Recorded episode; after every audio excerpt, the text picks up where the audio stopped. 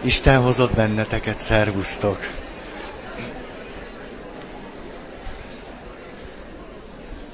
Nagyon megtisztelő a jelenlétetek. Nagyon. Kíváncsi voltam, hogy jöttök-e máma. Nagyon, mert hogy beígértem, ne kapjunk családmérgezést, ezért aztán egy-két alkalmat szánjunk a függés és az Isten kapcsolat összefüggéseire, de akkor úgy látszik, hogy ez nem riasztott el titeket. Ugye úgy jutottunk el ide, csak egy kétperces vázlat a mai alkalom bevezetőjeként, hogy beszéltünk először a vonzalomról, aztán beszéltünk a szoros emberi kapcsolatokról, aztán a szoros emberi kapcsolatokból kiemeltük a számunkra legfontosabbat, ez volt a meghittség. Akkor megpróbáltuk leírni a meghittséget. Utána volt néhány alkalom, amikor arról beszéltünk, hogy az Istennel való meghitt kapcsolatnak milyen kritériumai, milyen lehetőségei vannak. Utána pedig visszatértünk a meghitt kapcsolatok leírásához, ami az emberi kapcsolatokat illeti, és akkor pedig azt néztük meg, hogy ami leginkább a meghittségnek tűnik, miközben a meghittség ellentéte, ez a függő emberi viszonyok, hogy hogyan tudnánk leírni a függő emberi kapcsolatokat. Éppen szemben a meghittséggel. Ez volt az a 60 pont. Akkor, mikor ezt túléltétek, akkor történt az, hogy megpróbáltuk megnézni, hogy mi is van akkor az intimitásnak és a függésnek a hátterében. Hogy miért alakulunk olyanná, amilyenek vagyunk. És mikor ezt befejeztük, akkor mondtam tíz pontot a megkictség összefoglalásaként, és utána történt az, ami múlt alkalommal volt, hogy azt mondtam, hogy nehogy családmérgezést kapjunk, ezért most nézzük meg a függő kapcsolat és az Isten kapcsolat összefüggését. Tehát megvan ennek a logikája, látjátok. Bár csak az év tudtam volna, hogy ez így lesz. De nem tudom, ti mit gondoltok arról, hogy én mit gondolok arról, hogy amikor kezdődik az év, mi lesz. Hát ugye egy-két mondat van a fejemben, de egyébként lilaköd. És aztán valahogy egy lépéssel szoktam előttetek járni. Na, ugye oda jutottunk el, erről mondtam néhány szót, hogy az Isten, és nyugodtan mondhatom így, az Isten Jézusban egyáltalán nem kíván bennünket függő helyzetbe hozni, vagy függő helyzetben tartani. Az egy másik kérdés, zárójeles mondat, hogy természetesen az életünkhöz, az életünk realitásához hozzátartozik az, hogy sok mindentől függünk. Ez nem kóros vagy beteges, egyszerűen függünk például attól, hogy eszünk-e vagy nem. Nyilvánvaló. Tehát ilyen értelemben a függést sosem fogjuk tudni felszámolni, de nem is akarunk elrugaszkodni a valóságtól, hanem csak azt állítjuk, hogy az Isten egy picit sem szeretne nagyobb függésben tartani bennünket, mint amennyi éppen, ami teremtett voltunknak a realitása.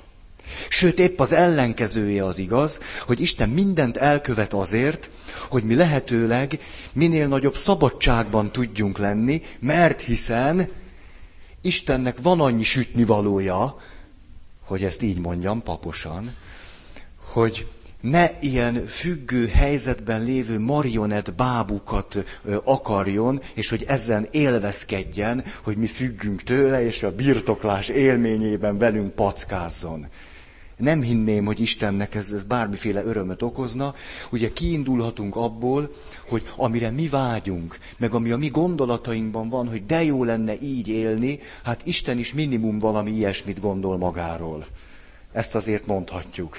Tehát amilyen képeket tudunk az Istenről kitalálni, hogy ő nem tudom, örömét leli abban, hogy mi nem tudom én mik vagyunk, hát ez aztán a realitástól igen-igen messze van.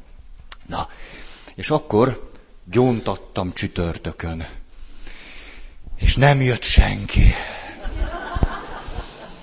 Ott parlagon hevertem, meg a gyóntatószobában, és tíz perc után, hát miért nem jön már valaki? Hát értelmetlen az életem, vagy mit csinálja?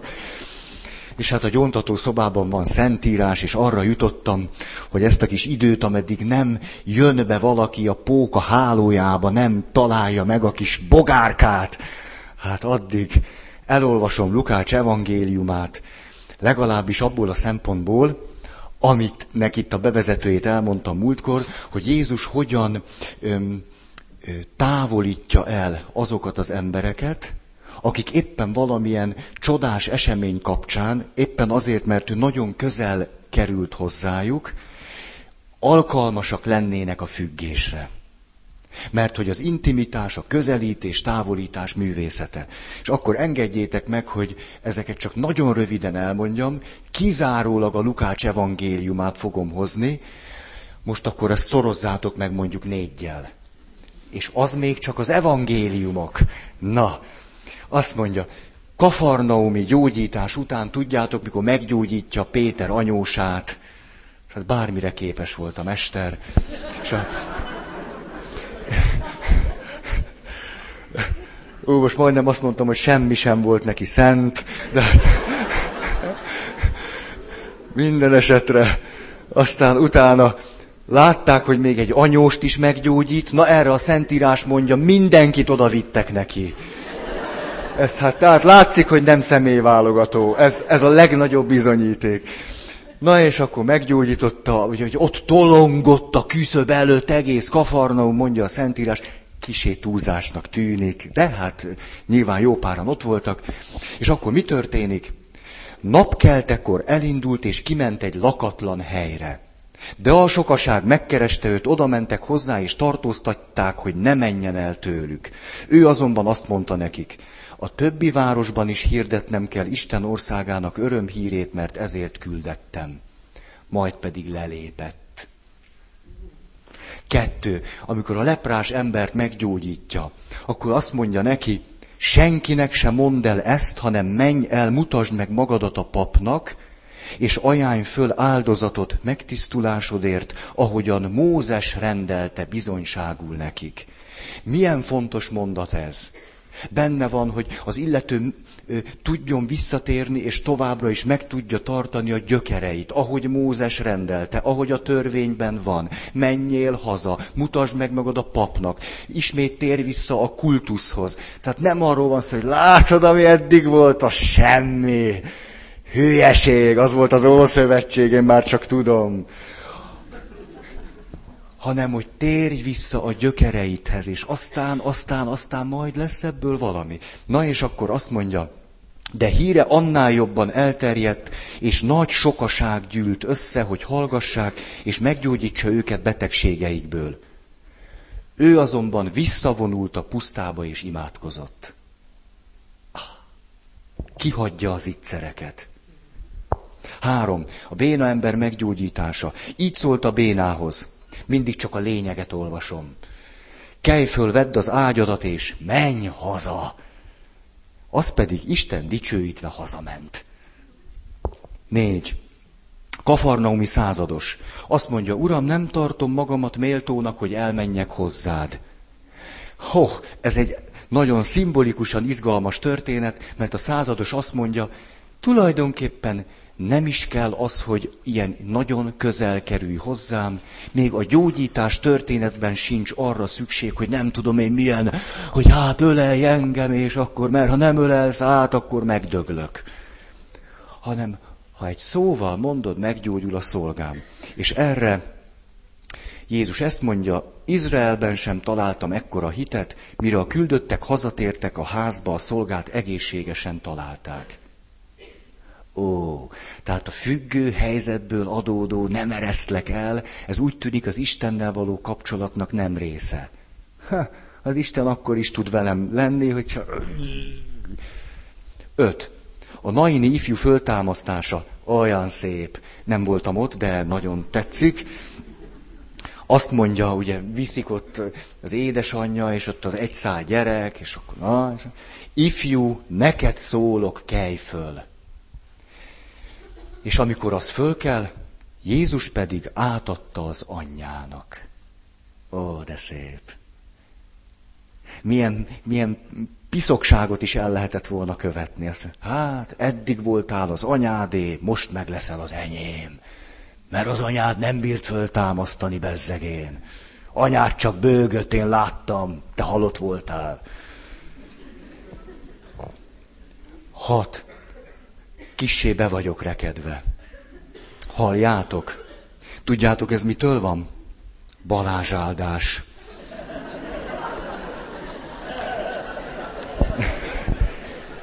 Nincs olyan év, hogy a Balázs áldás ne tenne be nekem. Hát tudjátok, mikor mondjuk a 378-szor mondom el, hogy Szent Balázs püspök és vértanú közben járására óvjon meg téged az Isten a torok betegségtől és minden más bajtól.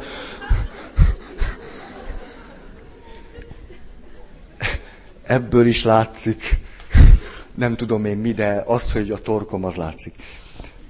Hat. A bűnös nő, haha, megkeni Jézus lábát, ugye ez az, amire emlékeztek, egy kislány azt mondta, hogy mi az, hogy bűnös nő? És akkor a hitoktató meg bevörösödött. Hát ezért, hát olyan bűnös, mire a kislány. De hát azt tetszett mondani, hogy mindenki bűnös. Akkor most mi ez, hogy a bűnös nő? Hát...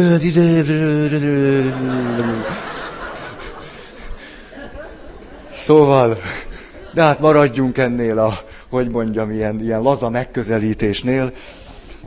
Tehát megkeni Jézus lábát, és azt mondja, megbocsáttattak a te bűneid.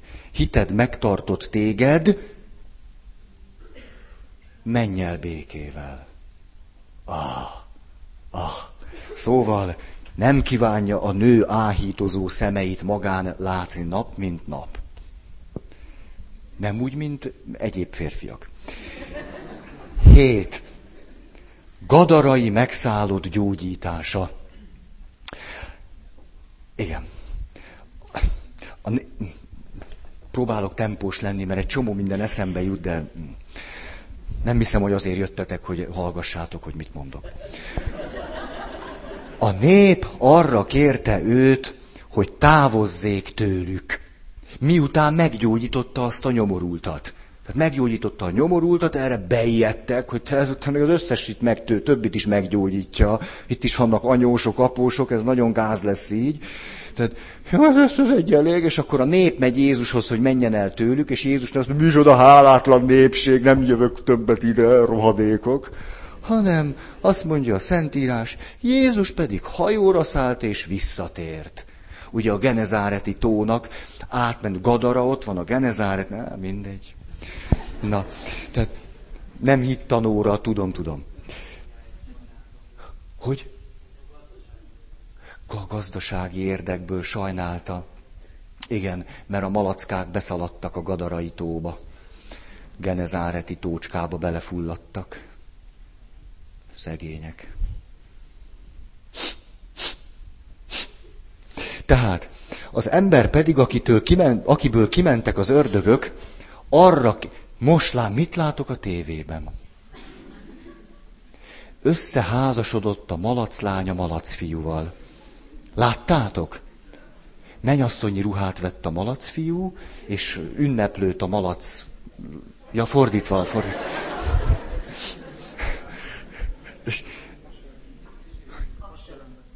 Az se lenne furcsa. Ez a liberális esküvő lett volna. Na, tehát az az ember pedig, akiből kimentek az ördögök, arra kérte, hogy vele maradhasson. De Jézus elküldte őt. Ezt mondta neki, térj haza. Beszéld el, mit tett veled az Isten. És most jön a csattanó, az pedig elment és hirdette az egész városban, milyen nagy dolgot tett vele Jézus. Jaj, hát valamiből meggyógyul, de valamiből nem. Nyolc. Jairus lányának föltámasztása közben úgy suttyomban meggyógyul a vérfolyásos asszony. A, tényleg, ha ismeritek, Lukács 8.48. Azt mondja, lányom, hited megtartott téged, menj el békességgel.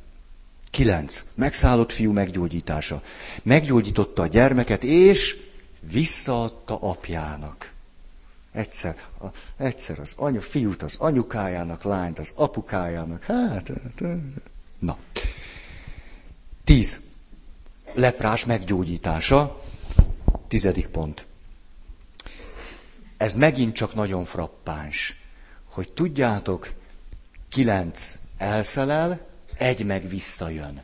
Ez aztán tényleg az a történet, hogy Jézus mondhatna, hogy na te visszajöttél, jól tetted, maradj itt. Helyette nem akadt más, aki visszatért volna, hogy dicsőítse Istent, csak ez az idegen? És azt mondta neki az Úr, kelj föl, menj el, hited megtartott téged. Na, ezt akartam volna demonstrációul, és akkor itt két kifejezést szeretnék a teológiai irodalomból hozni. Mind a kettőt nagyon ismerjük, de biztos, biztos sokféleképpen halljuk ezt a két szót. A, az Istentől való függés az, az nagyon egyszerűen szerintem megszállottság, másfelől pedig bálványimádás. Ezt a két kifejezést használnám rá, de rögtön egy picit pontosítom is ezt, ugyanis az embernek a nagy nehézsége az, hogy Istentől nem tud függeni. Nem tud annál jobban függeni, mint amennyi a realitáshoz és a teremtett voltunkhoz hozzá tartozik. Az embernek a nagy szenvedése éppen az, hogy jobban szeretne függni Istentől, mint amennyire Isten ezt lehetővé teszi. Emiatt szenvedünk úgy, mint az állat, és emiatt van az, hogy bálvány imádásra adjuk a fejünket. Hogy mit értek ez alatt, hadd hozzam azt a klasszikus történetet. Mózeshez szól az Úr, Jahve, és azt mondja, te Mózes. Most olyan, hogy mondjam, egyszerű változatát mondom el. Jöjj fel hozzám a sínai hegy púpjára, dumcsizzunk egy kicsit. Mózes fölmegy, és ott van 40 napot. Mi történik közben lent? Hát ott van Áron, meg a többiek, a telik az idő. A Szentírás azt mondja, csak egy nagyon egyszerű mondat. És mikor azt tapasztalták, hogy Mózes sokáig maradott a hegyen, és ugye Istennel éppen beszélget, hát akkor elbizonytalanodtak. Ugye Mózes ott beszélget Istennel, és akkor hol van a mi Istenünk? Hát ha éppen Mózessel beszélget, akkor ajjaj, hol van ez a Mózes, aki kihozott minket? Ő tudott Istennel beszélgetni, hát...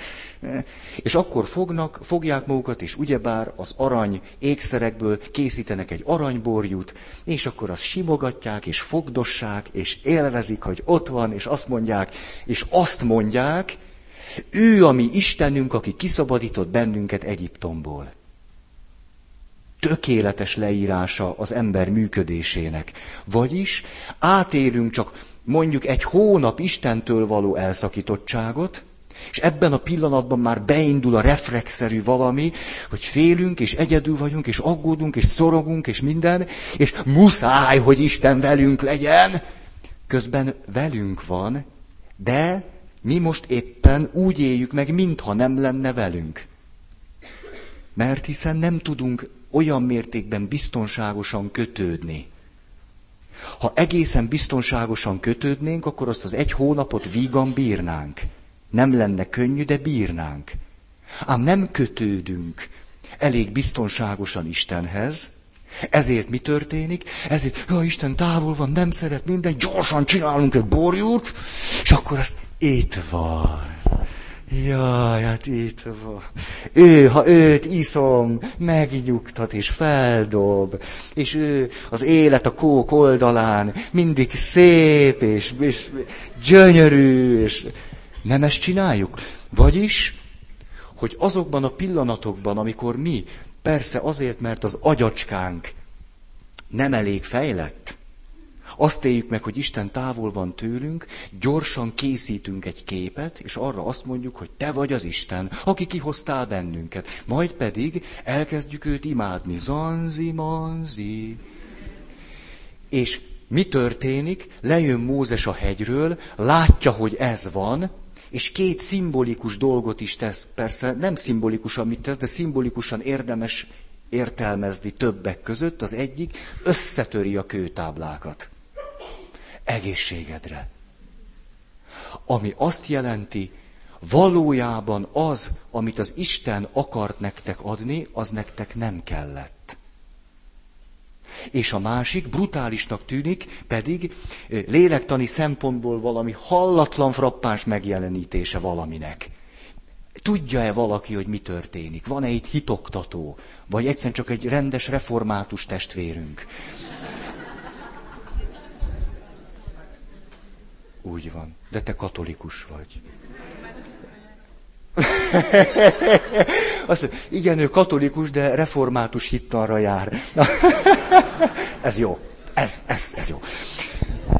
Szóval azt csinálja Mózes, hogy széttöreti velük az aranyborjút, és megitatja velük. Nem azért, mert pervers, hanem azért, mert ez belőletek jött ki, nem sok köze van ahhoz az Istenhez, aki nem belőletek jön ki. Ezt igyátok meg magatok. Mert ez pontosan belőletek jött, és nálatok semmivel sem több. Ez hozzátok tartozik, igyátok meg. Belőletek jött, menjen vissza, ti belétek. És aztán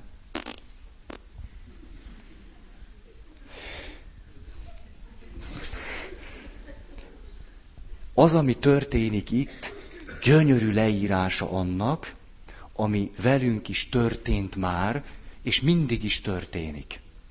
Hogy amikor az Istennel való szabadságunkban átéljük azt, hogy most szabadon vagyunk távol, vagy az Isten szabadon van távol tőlünk, vagy hogy a függésnek a biztonságát el kellene vagy lehetne engedni, akkor rögtön kapunk egy képhez hogy az a kép erősítsen meg bennünket. Pontosan úgy, mint az aranyborjú, az legalább itt van.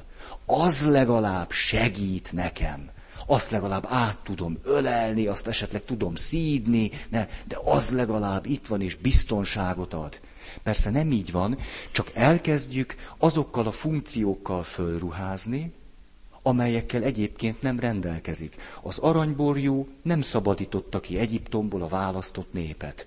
De az történik, ami a tárgykapcsolat elméletben leíratott, hogy az aranyborjút fölruházzuk azokkal a funkciókkal, amelyek aztán lélektani nyereséggel járnak nekünk. Vagyis ameddig itt az aranyborjú, nem kell félni. Ameddig itt van, nem vagyok egyedül.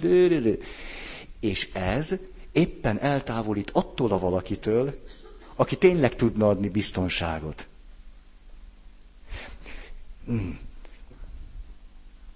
Most kicsit elébe vágtam valaminek, de jó, inkább befejezem ezt a gondolatmenetet, hogy tulajdonképpen mi történik ilyenkor? Most hagyjuk ott a választott népet, három ezer évvel ezelőtt, hagyjuk őket, és térjünk vissza magunkhoz. Mondjuk ott fekszel a beteg ágyon, vagy mondjuk elhagyott a szerelmed, vagy mondjuk, hát más bajt nem is tudok, hogy lehetett. Ez. Szóval valami nagy baj ér, és egyszer csak azt éled meg, hogy nem tudom, Isten nincs, nincs velem, hogy nem segít, hogy elhagyod, hogy büntet, hogy ezt Istenről mondod? Természetesen nem, hanem él benned az Istennek egy reprezentációja, egy képe. Ezeket a kijelentéseket az Isten reprezentációjáról mondod. Ez egészen nyilvánvaló.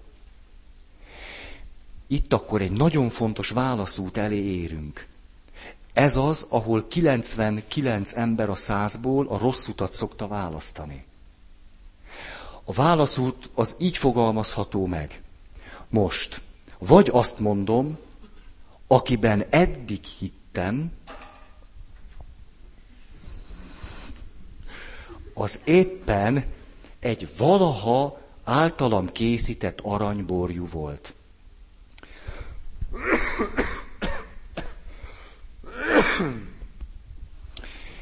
Ugyanis én most épp azt gondolom Istenről, hogy elhagyott, hogy nem szeret, hogy büntet, hogy mit tudom én.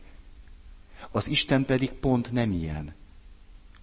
Ha tehát én most ezeket a tulajdonságokat gondolom Istenről, akkor ez azt jelenti, hogy most eljött egy nagyon fontos pillanat.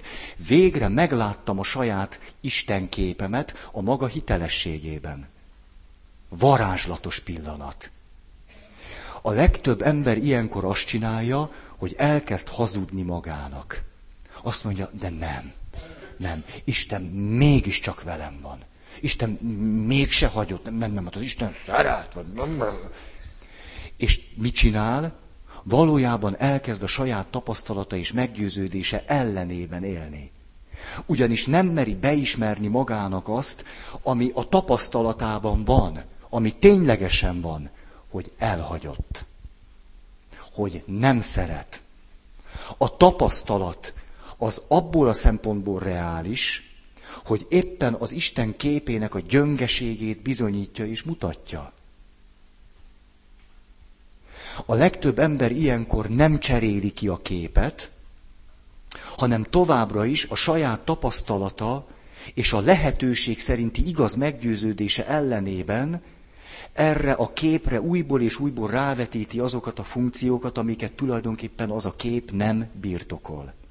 Majd így évek és évtizedek során tökéletesen elidegenedik az Istentől. A valóságos Istentől is, mert ahhoz az Istenképhez ragaszkodik, amelyeket, a, amely Istenképet fölruházta ezekkel a funkciókkal, amelyekkel az az Istenkép nem is bír. Ezt szoktuk csinálni. És csak százból egy bátor van, aki azt mondja, igen, ebben a pillanatban most azt élem meg, hogy Isten elhagyott. Akkor tehát ez azt jelenti, hogy én eddig nem is abban az Istenben hittem, akiben akartam. Mert az az Isten nem hagyott volna el. Az az Isten nem hagy el, az az Isten biztos, hogy szeret engem, de én most nem találom őt. És akkor az illető, a százból az egy, elindul az Isten kapcsolat meg a személyiség fejlődésnek az útján. Százból egy. A többi pedig áltatja magát, hogy de, de az az Istenkép képes közvetíteni nekem az engem szerető Istent. Csak hogy éppen nem képes. Annak a képnek ripityára kellene törnie. Egyszer beszéltem erről. Utána hozzám, odajött hozzám egy férfi, és azt mondta, Feri, elvesztettem a hitemet a beszéded után. 15 perc alatt kipurcantottam őt. Azt mondta, én egyébként is egy nehéz élethelyzetben vagyok. Azt gondoltam, hogy minden bizonytalan az életemben, kivéve Isten. De meghallgattam a beszédedet, és rájöttem, hogy Istenben sem bízhatok.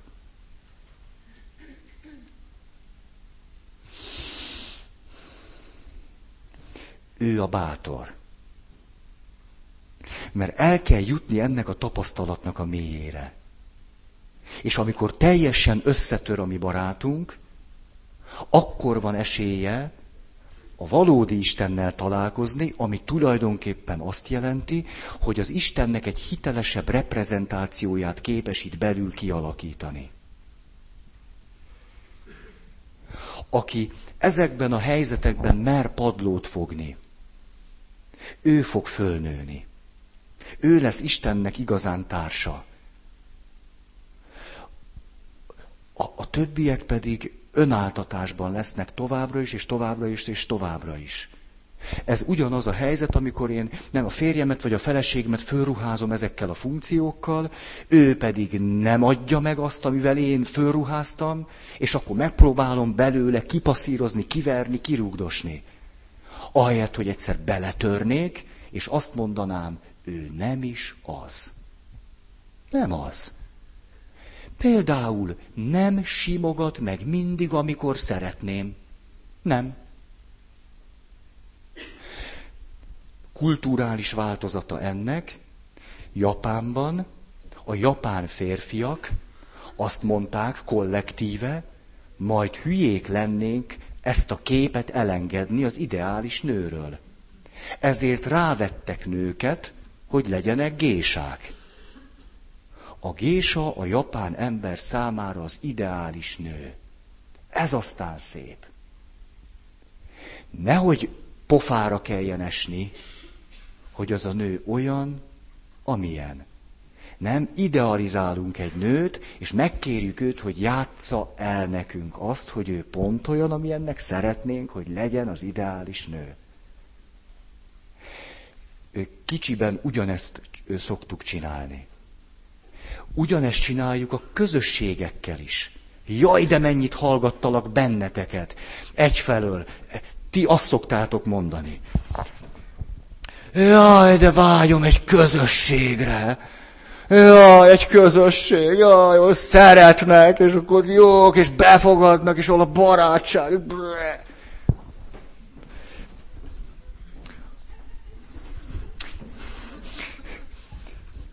Ti meg azt szoktátok mondani.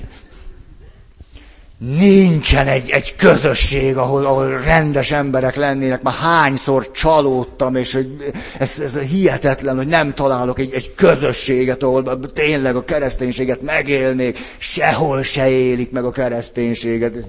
Baromi rossz. Van egy Jean Vanier nevű ember, filozófusként kezdte, és szentként fejezte be. A Bárka közösség alapítója. Életközösségben élt értelmi fogyatékosokkal. Na most, ő leírta a tapasztalatai alapján nagyon egyszerűen, hogy egy közösséggel kapcsolatban hogyan éljük meg ezt az utat. Első lépés. Főleg amikor már nagyon ki vagyunk éhezve, hogy valakihez tartozzunk, hogy valaki meghallgasson minket, és tehát mikor már teljesen ki vagyunk szomjazva, akkor nagy nehezen vesszük a bátorságot, hogy na jó, hajlandó leszek bemenni egy közösségbe. Én, de az én az öt ilyen nagy ébetűvel kezdődik. Én, na jó, odaadom magam másfél órára. Én, ott, ott leszek. Úgy, hát gratulálok, hát tényleg, te mennyit megteszel ezért a közösségért. Nem vársz közben egy kicsit sokat el a közösségtől? Tehát tartozzak valahova, szeressenek minden, és te meg annyit teszel, hogy ott vagyok. Ha van kedved. Ugye ezt rögtön tegyük hozzá. De miért nem jöttél Laci hit tanórára? Nem tudom, hogy nem volt kedvem. Hát jó van akkor, de akkor mit vársz a közösségtől? Tehát ha, ha csupa olyan emberek lesznek itt, akik akkor jönnek, ha kedvük van, hát akkor ez, ez pont jó lesz nektek. Nem kell nagy fantázia ahhoz, hogy kitaláljuk, hogy ebben a közösségben aztán jól fogják-e érezni magukat. Ha mindenki azért jön, hogy a többiektől kapjon, és ő meg akkor jön csak, hogyha kedve van hozzá. Na de nem akarlak leértékelni benneteket.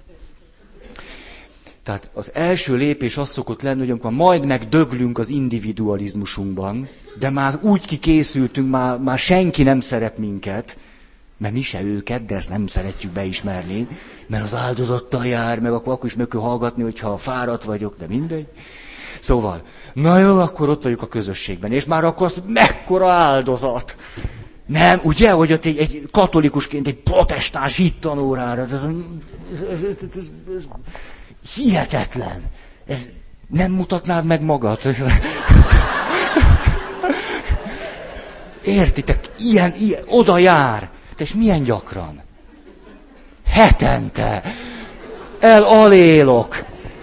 Tessék. Uh, plusz házi ifi vasárnap, havonta egyszer. Ú, de brutális. Nyáron egy hét. Te egész rosszul vagyok, segítség. Vannak ilyen őrültek. Egy, egy közösségért ilyeneket csinál, meg vannak bolondulva. Hát nincs neked jobb dolgod. A karriered nem pang. Na mindegy. Szóval. Tehát, és akkor azt, hogy itt vagyok. Ugye ő, ő már meghozta az összes áldozatot azzal, hogy ott van, de már mindent. Tehát, hogy ő, ő na. Mennyi indulat van bennem? Öh. Ja. Igen, mert tudjátok, úgy van. Na jó. Szóval, ez az első. Most mi szokott a második fázis lenni?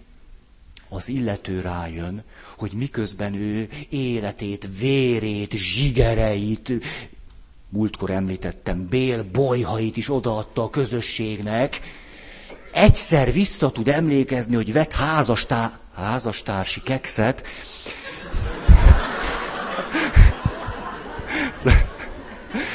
Tehát vett háztartási kekszet. Látszik, na, kicsit azt hiszem, ilyen család, család izébe vagyok. Tehát, ez milyen jó, ezt így kéne fel. Házastársi keksz, de jó. Ezt, ezt véletlenül mondtam, ez tök jó. Na, tehát visszaemlékszik, ott 95 évesen haldokolva, hogy ő milyen jó ember is, mert egyszer a közösségnek vett háztartási kekszet, hogy hadd egyenek. Saját pénzből. Hát ez hihetetlen, te mit meg nem tettél?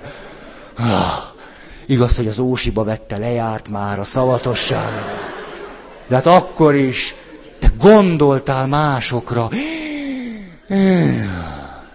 Na, második fázis, ami sokaknál egy alkalom után beszokott következni. Egy alkalom után, értitek? Tehát ő, ő már 50 éve keres egy, egy hívő közösséget, és most akkor eljutott oda, hogy na jó, elmegy egybe. És akkor iszonyat kritikusan így nézni. És az első alkalom után azt mondja, hát én nagyon csalódtam. Nagyon. Hát ilyenek, hát az egyik ilyen volt, a másik olyan. Lehet, hogy kell neki két hét is. Két hónap, egy év.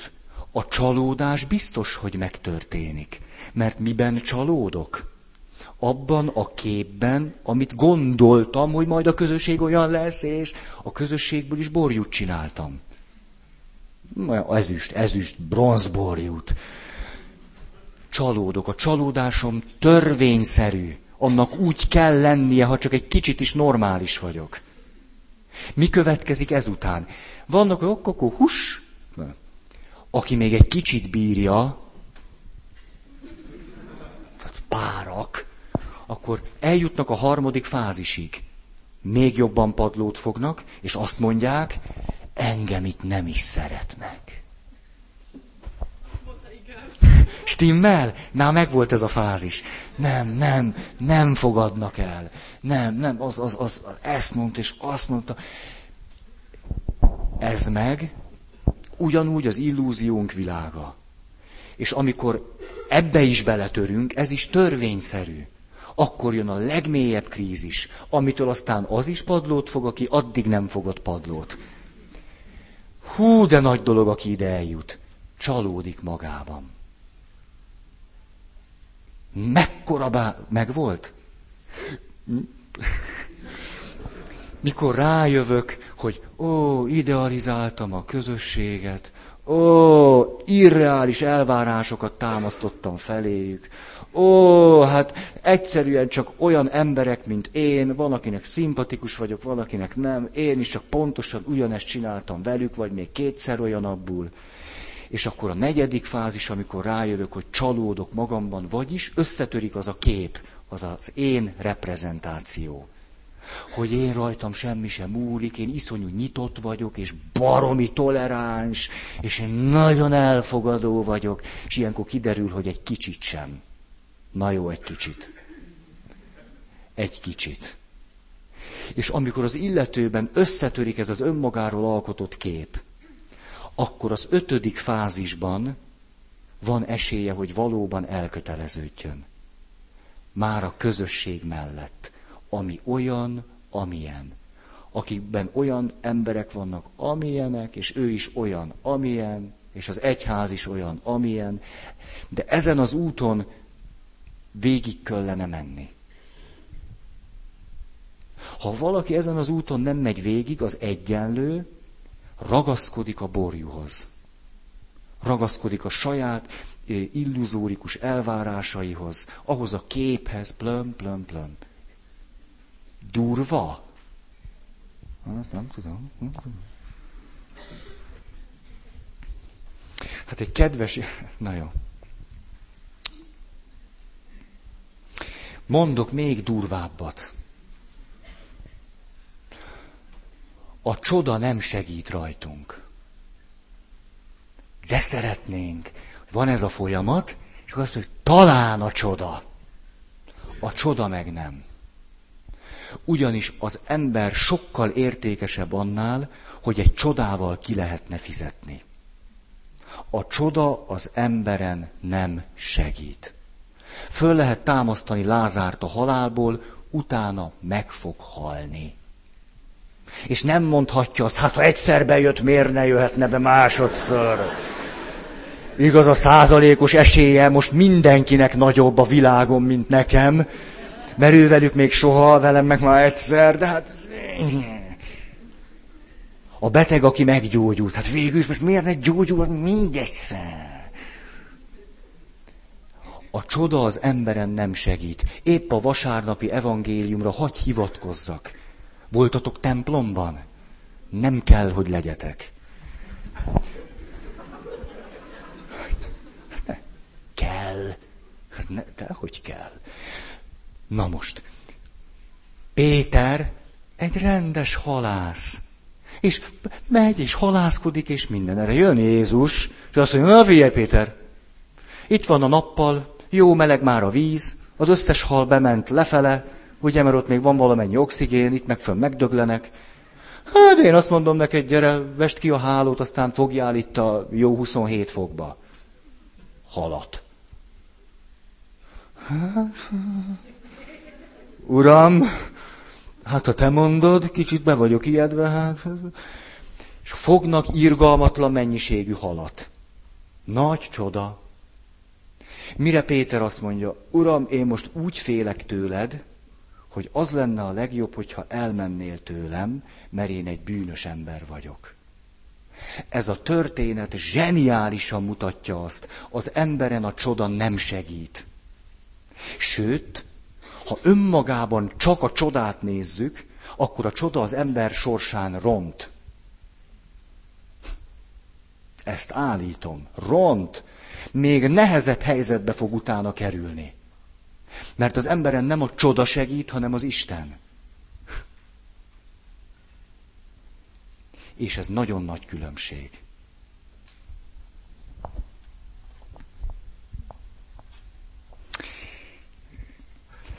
Ez tehát akkor azt jelenti, hogy foggal, körömmel ragaszkodunk az Isten képünkhöz, a tárgykapcsolat elmélet alapján az Isten reprezentációnkhoz. Foggal, körömmel. Azért, mert az természetesen az önmagunkról alkotott képünknek a része. Én az a valaki vagyok, aki... Na,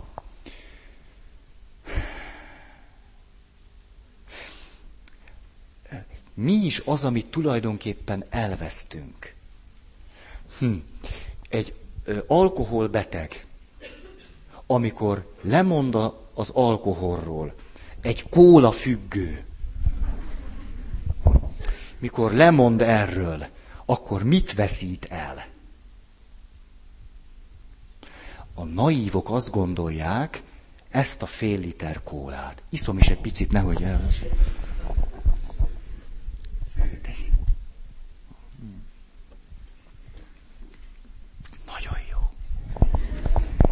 Szóval, azt hinnénk, hogy az ember a fél liter kórát veszti el. Hagy legyen egy kérdésem.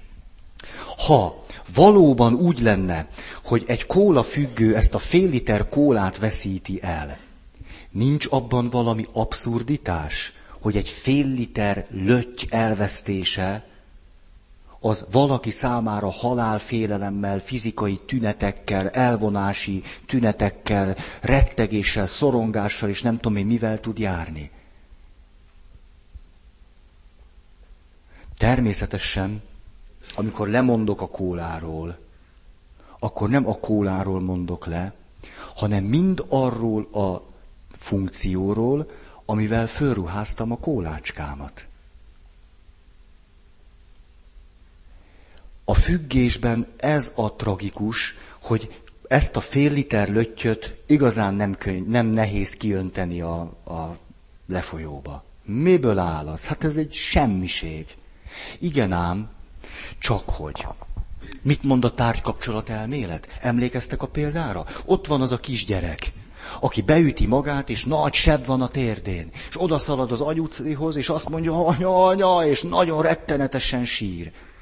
Az anyukáját fölruházta a megnyugtatásnak és a bizalom adásának a funkciójával. És az anyukája megnyugtatja, ad neki két puszit, és az anyuka, miután tudja, hogy ő ezzel a, föl van ruházva ezzel a funkcióval, azt mondja, ugye már nem is fáj. És erre a kislány vagy kisfiú azt mondja, igen, nem fáj. És persze szivárig a vér, meg mindent.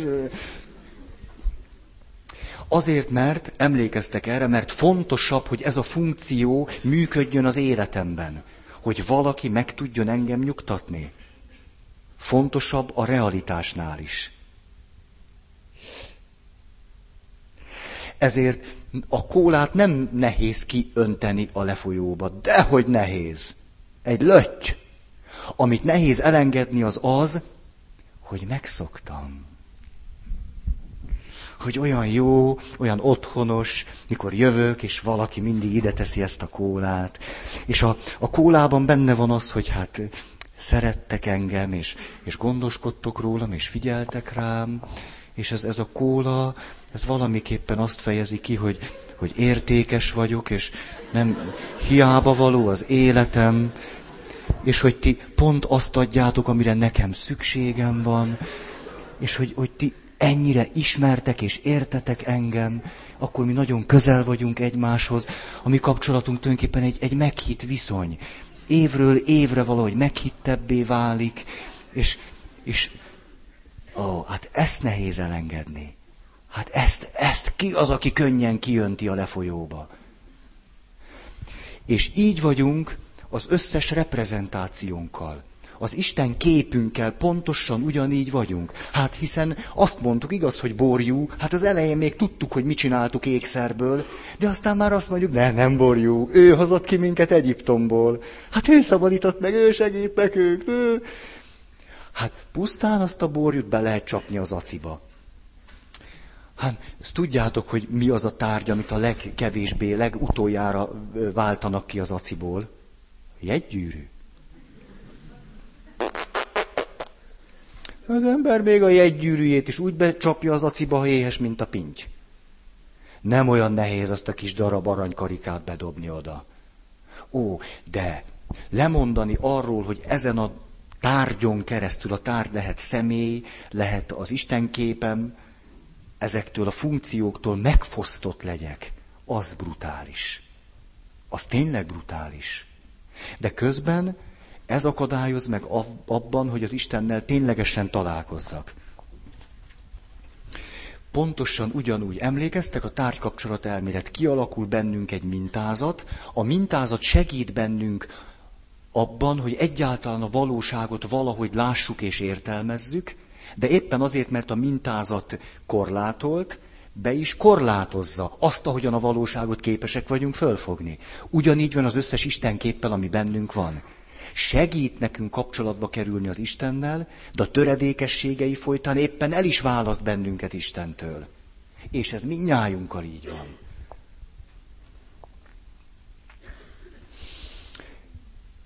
És akkor visszatérve a sebestérdű gyerekhez. Ugye ebben az van, hogy kész van bennünk a szerelem. Emlékeztek erre. Ott van, kész van, mint Petőfi Sándor, azt mondja, 16 éves vagyok, de már úgy szeretnék szerelmes lenni valakibe. De még nem vagyok szerelmes senkibe, de már a szerelmet dicsőítem. Az úgy tűnik, hogy az emberi természethez hozzá tartozik az imádás, a hódolat, hogy ez valahogy egy nagyon-nagyon jó funkció. Egy jó dolog, amikor az ember tud imádni valakit. Az egy jó dolog. Amikor hódolattal tudok lenni valaki előtt, az egy jó dolog, egy izgalmas, izgalmas érzés és lelki állapot. Valamit ad. Ezek a poharak?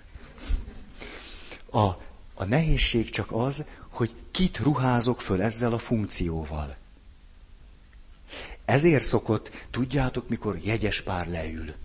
Szoktak, ilyenek leülnek, azok az. És hát első találkozás. Na hát, hogy, hogy vagytok egymásra, hogy... És akkor azt mondja, hát én imádom ezt a rozit. Na akkor így a nagy vörös lámpa elkezd itt égni nekem. Mert ha ő imádja a rozit, az egy kicsit sok. És ez most hall, hallatszódhat úgy a rozinak, hát ennél szebbet. Nem csak, hogy szeret, imád. A lábaimnál hever. Ha, ha, hát ez a, ez a mennyei pasi. Na-na. Ugyanis éppen most fölruházta Rozit az Istennek kiáró funkciókkal. Van ennek viszont egy másik oldala.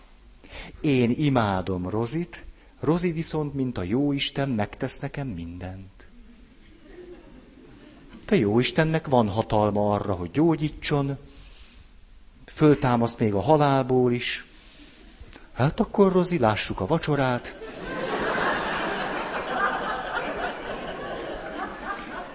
De finom legyen. Csak az imádatnak megfelelően. Nem, nem, nem kell jobban, nem, csak amennyire imádlak. Ezért van az, ha azt a belső funkciót, hogy de jó dolog is imádni valakit. Szerintem jó dolog. Úgy, hogy imádjátok Istent, micsoda röhely. De azért akkor meg imádunk valakit. Mert valahogy ez a funkció itt van bennünk. Jó dolog, az emberi természet része. Csak jól járunk vele. Ennél még rosszabb, ha valami tárgyat imádunk. Az még rosszabb. A tárgy nagyon nagy előnyökkel rendelkezik a rozihoz képest. Ismeritek azt a általam szellemesnek tartott leírást a nő és a sör összehasonlításáról. Ugye ismeritek? Tehát a sör nem beszél vissza. Ugye így, így kezdődik. Tehát végül is egyszerűbb egy tárgyat imádni, mint egy élő szemét, sokkal jobb. Fölruházzuk őt ezekkel a funkciókkal, és utána azért nem tudunk tőle szabadulni, mert fölruháztuk őt ezekkel a funkciókkal. Húha, nem, bár csak érzékelném, hogy mi van bennetek, hogy, hogy ezt most már ilyen unjátok, vagy már ilyen ismétlésnek tűnik, vagy... De nem nézek rátok, nehogy véletlenül megtudjam. Azt lehetne mondani, hogy nem bírjuk kivárni Istent. Ezt így fogalmaztam meg. Egyszerűen nem bírjuk kivárni Istent. Mint ott, Mózes már 30 napja nem jött vissza, ezt nem bírjuk kivárni. Gyorsan egy Istenképet.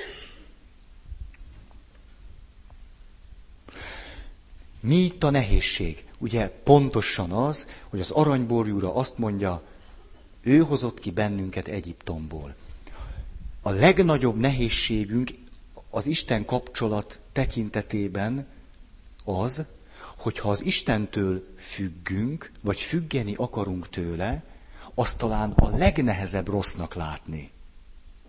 Mert az Isten képünket egy fölirat övezi, és a föliraton az van a mennyei atya. Mert ha az lenne ráírva, jelenlegi Istenképen, nagy bátorság kell hozzá. Nem az van ráírva, az mennyei atya. De persze nem az, csak egy ilyen-olyan reprezentáció.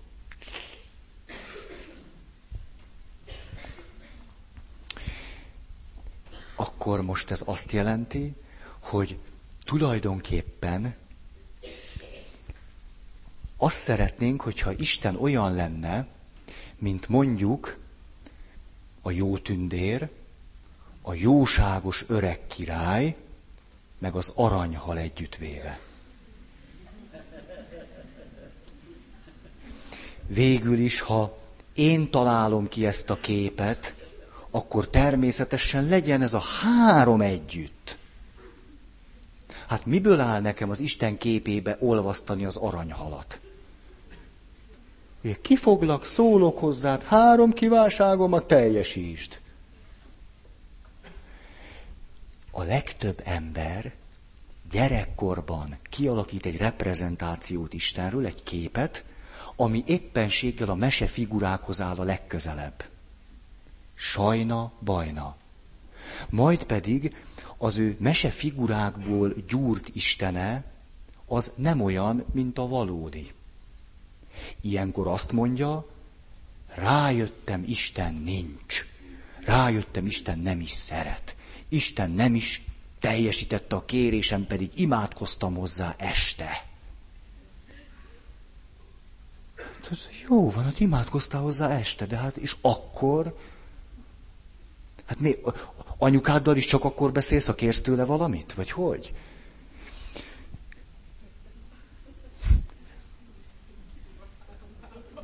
Tessék? Uh, uh, uh, köszönöm, hogy ezt mondtad. Valaki azt mondta, hogy egy négy lábú széken volt, és már három lábát kirúgtam ma este. És még van negyed óra. Mi legyen?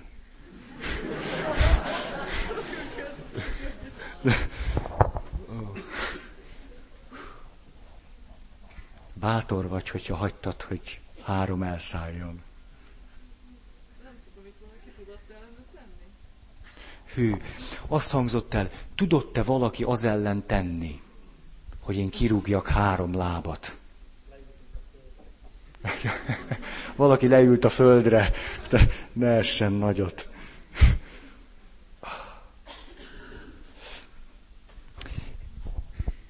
Akkor, akkor kicsit lassítok.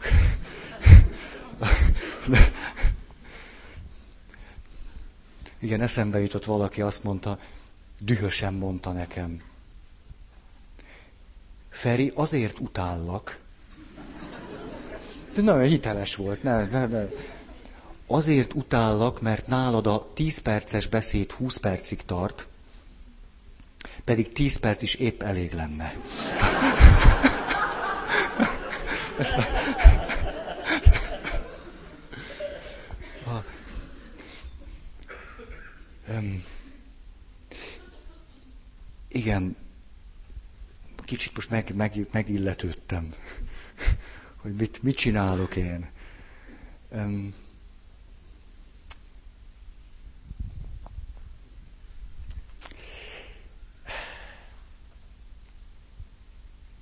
hogy folytassam akkor? A... Ó, nem, nagyon jó, hogy szóltál. A... Igen, mert most még durvább akartam lenni. A...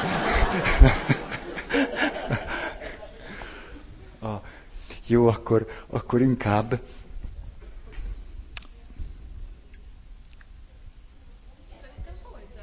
Tessék?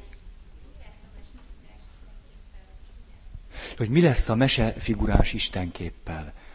Hát ez azt hiszem pont rajtatok múlik csak. Ö, ö,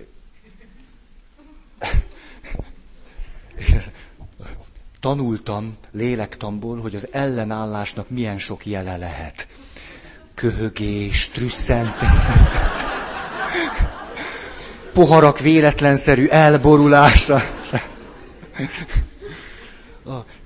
Na, hogy egy nagyon izgalmas gyakorlatot ajánlok nektek. Izgalmas gyakorlat. Hogy ha egy picit visszatudtok vissza tudtok menni eh, oda, ahol, ahol leginkább él bennetek az Istenről alkotott képetek. Azt valahogy próbáljátok meg olyan, olyan érzés és élmény szinten eh, tartani, tudatosítani magatokban, átélni, és utána keressétek meg, hogy ez vajon melyik vagy melyik mesefigurákhoz hasonlít leginkább. Nagyon jó gyakorlat. Nagyon. Öm, hogy mondjam, segítségetekre elmondom, hogy én hova jutottam többek között. Öm, mindjárt valami eszembe kell, hogy jusson. A, ez az. Rám serdül, mikor mutatták be a csillagok háborúját? Hogy? 77. Ezt te így tudod. Filmfüggő. A... Csillagok háborúja 77. Ferike születik 66. 11 éves vagyok, ezek szerint. Hmm. Megnéztem a csillagok háborúját, lenyűgöző. Nem tudom, hogy ti mit, mit éltetek meg, de hát az első rész, hát egy... Értem, hogy nálunk csak 79, 80 vagy 81-ben mutatták be. Most már biztonságba kerültünk, szóval. Tehát akkor lehet, hogy már voltam 13 is. Ha meg 14 még rosszabb, mert serdülőkori válság van, önazonosság fölbomlik. Na, egyszerűen zseniális. Tehát ahogy az az űrhajó be, én emlékszem, hogy ültem a moziban, kóla, kukorica, és mikor láttam, hogy az a, az, az, az a óriási hajó mi a neve? A csillagromboló. Amikor a csillagromboló így elmegy, én emlékszem, vissza tudom idézni, hogy azt mondtam, hogy elég. Tehát, hogy ezt akarom nézni, hogy ne menjen el, hogy én... Én velem ez így volt. És akkor utána úgy, hogy ott a hajóban lövöldöznek. Hát hogy... Mondjuk a Leila hercegnő nem tetszett. Ez emiatt lettem nem függő. De, na, és tudjátok, mire jöttem rá, hogy elvégeztem magammal ezt a gyakorlatot? Mert nem mondok olyat, amit én ne próbáltam volna ki. Tehát, marihuána, elnes... Szóval, na, hogy?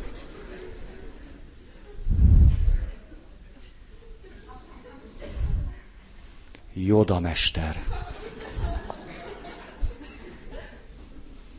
Isten kép része. Papként végeztem el ezt a gyakorlatot. Magamnak találtam ki, fordófürdőt vettem. Tudjátok, amikor tudom, hogy ú, ez most nagyon megalázó lesz, akkor fürdőkád. És akkor na jöjjön. És ki jött először? Joda mester. Tehát Jahve,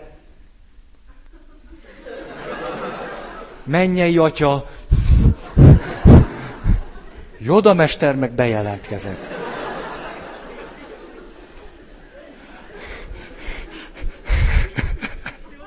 jó, jó. Ez van. Tehát rá kellett döbbennem, hogy miközben Krisztus papjaként misézek már egy pár éve, mikor kimondom azt, hogy a mi Urunk Jézus Krisztus kegyelme, az Atya Isten szeretete és a Szentlélek egyesítő ereje legyen veletek, hát, hogy oda mester kis.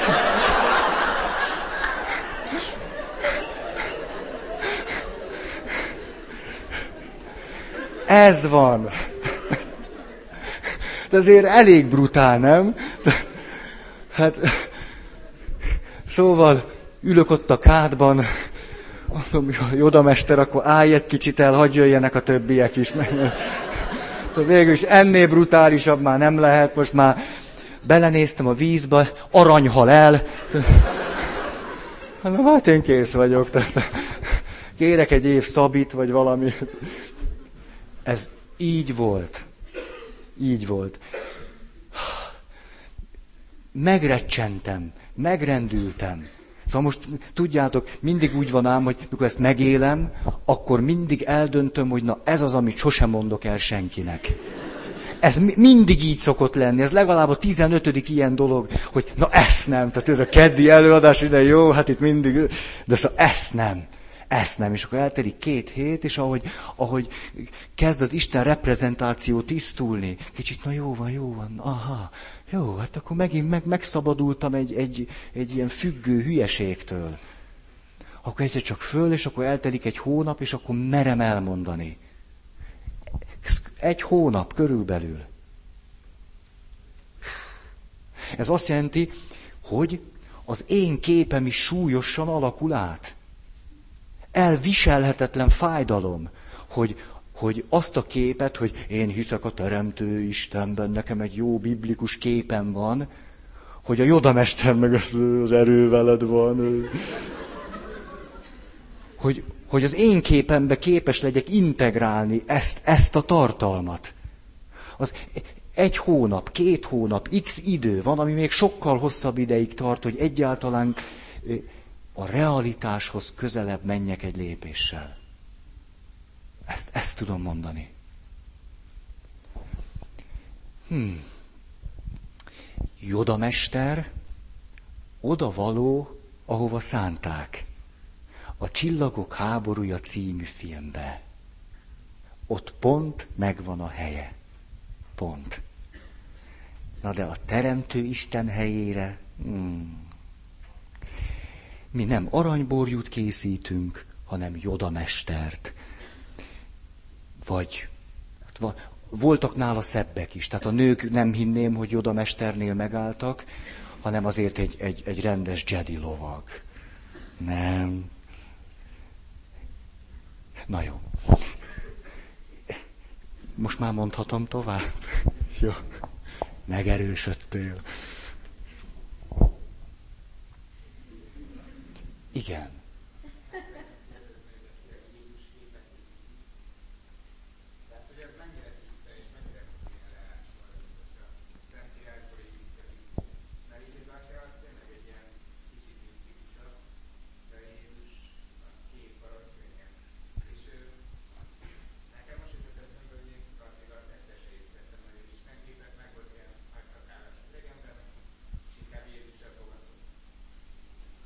Nagyon bölcsen tetted. Talán hallottátok. A, valóban éppen múltkor tettem erre egy utalást, hogy, hogy hát Jézus Isten ikonja, Isten képe mása.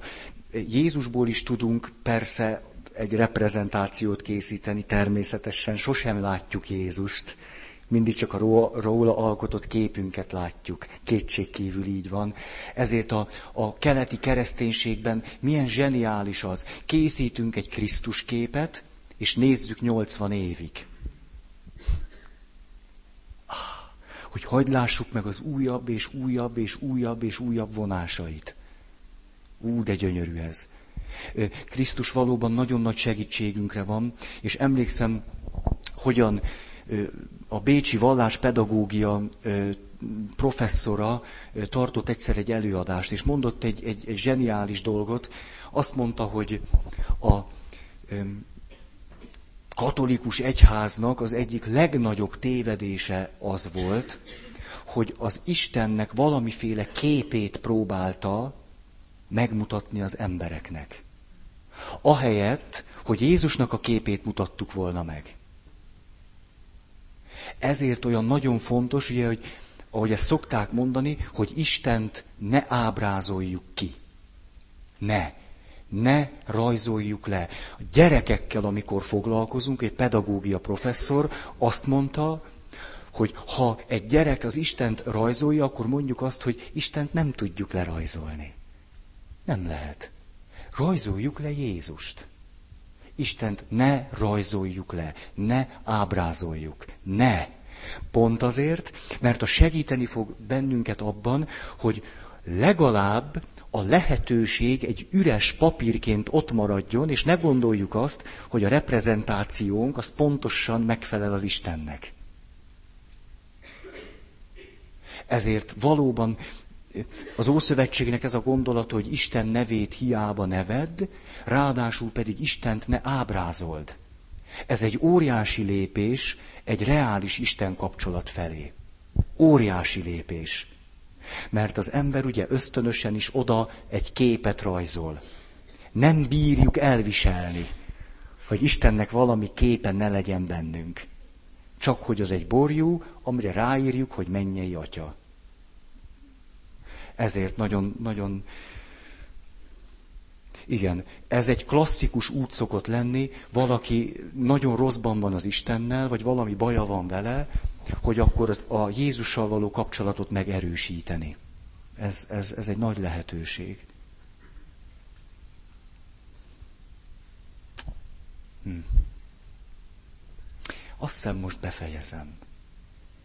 És maradt még egy székláb, és akkor azt hagyjuk. Akar-e valaki hirdetni?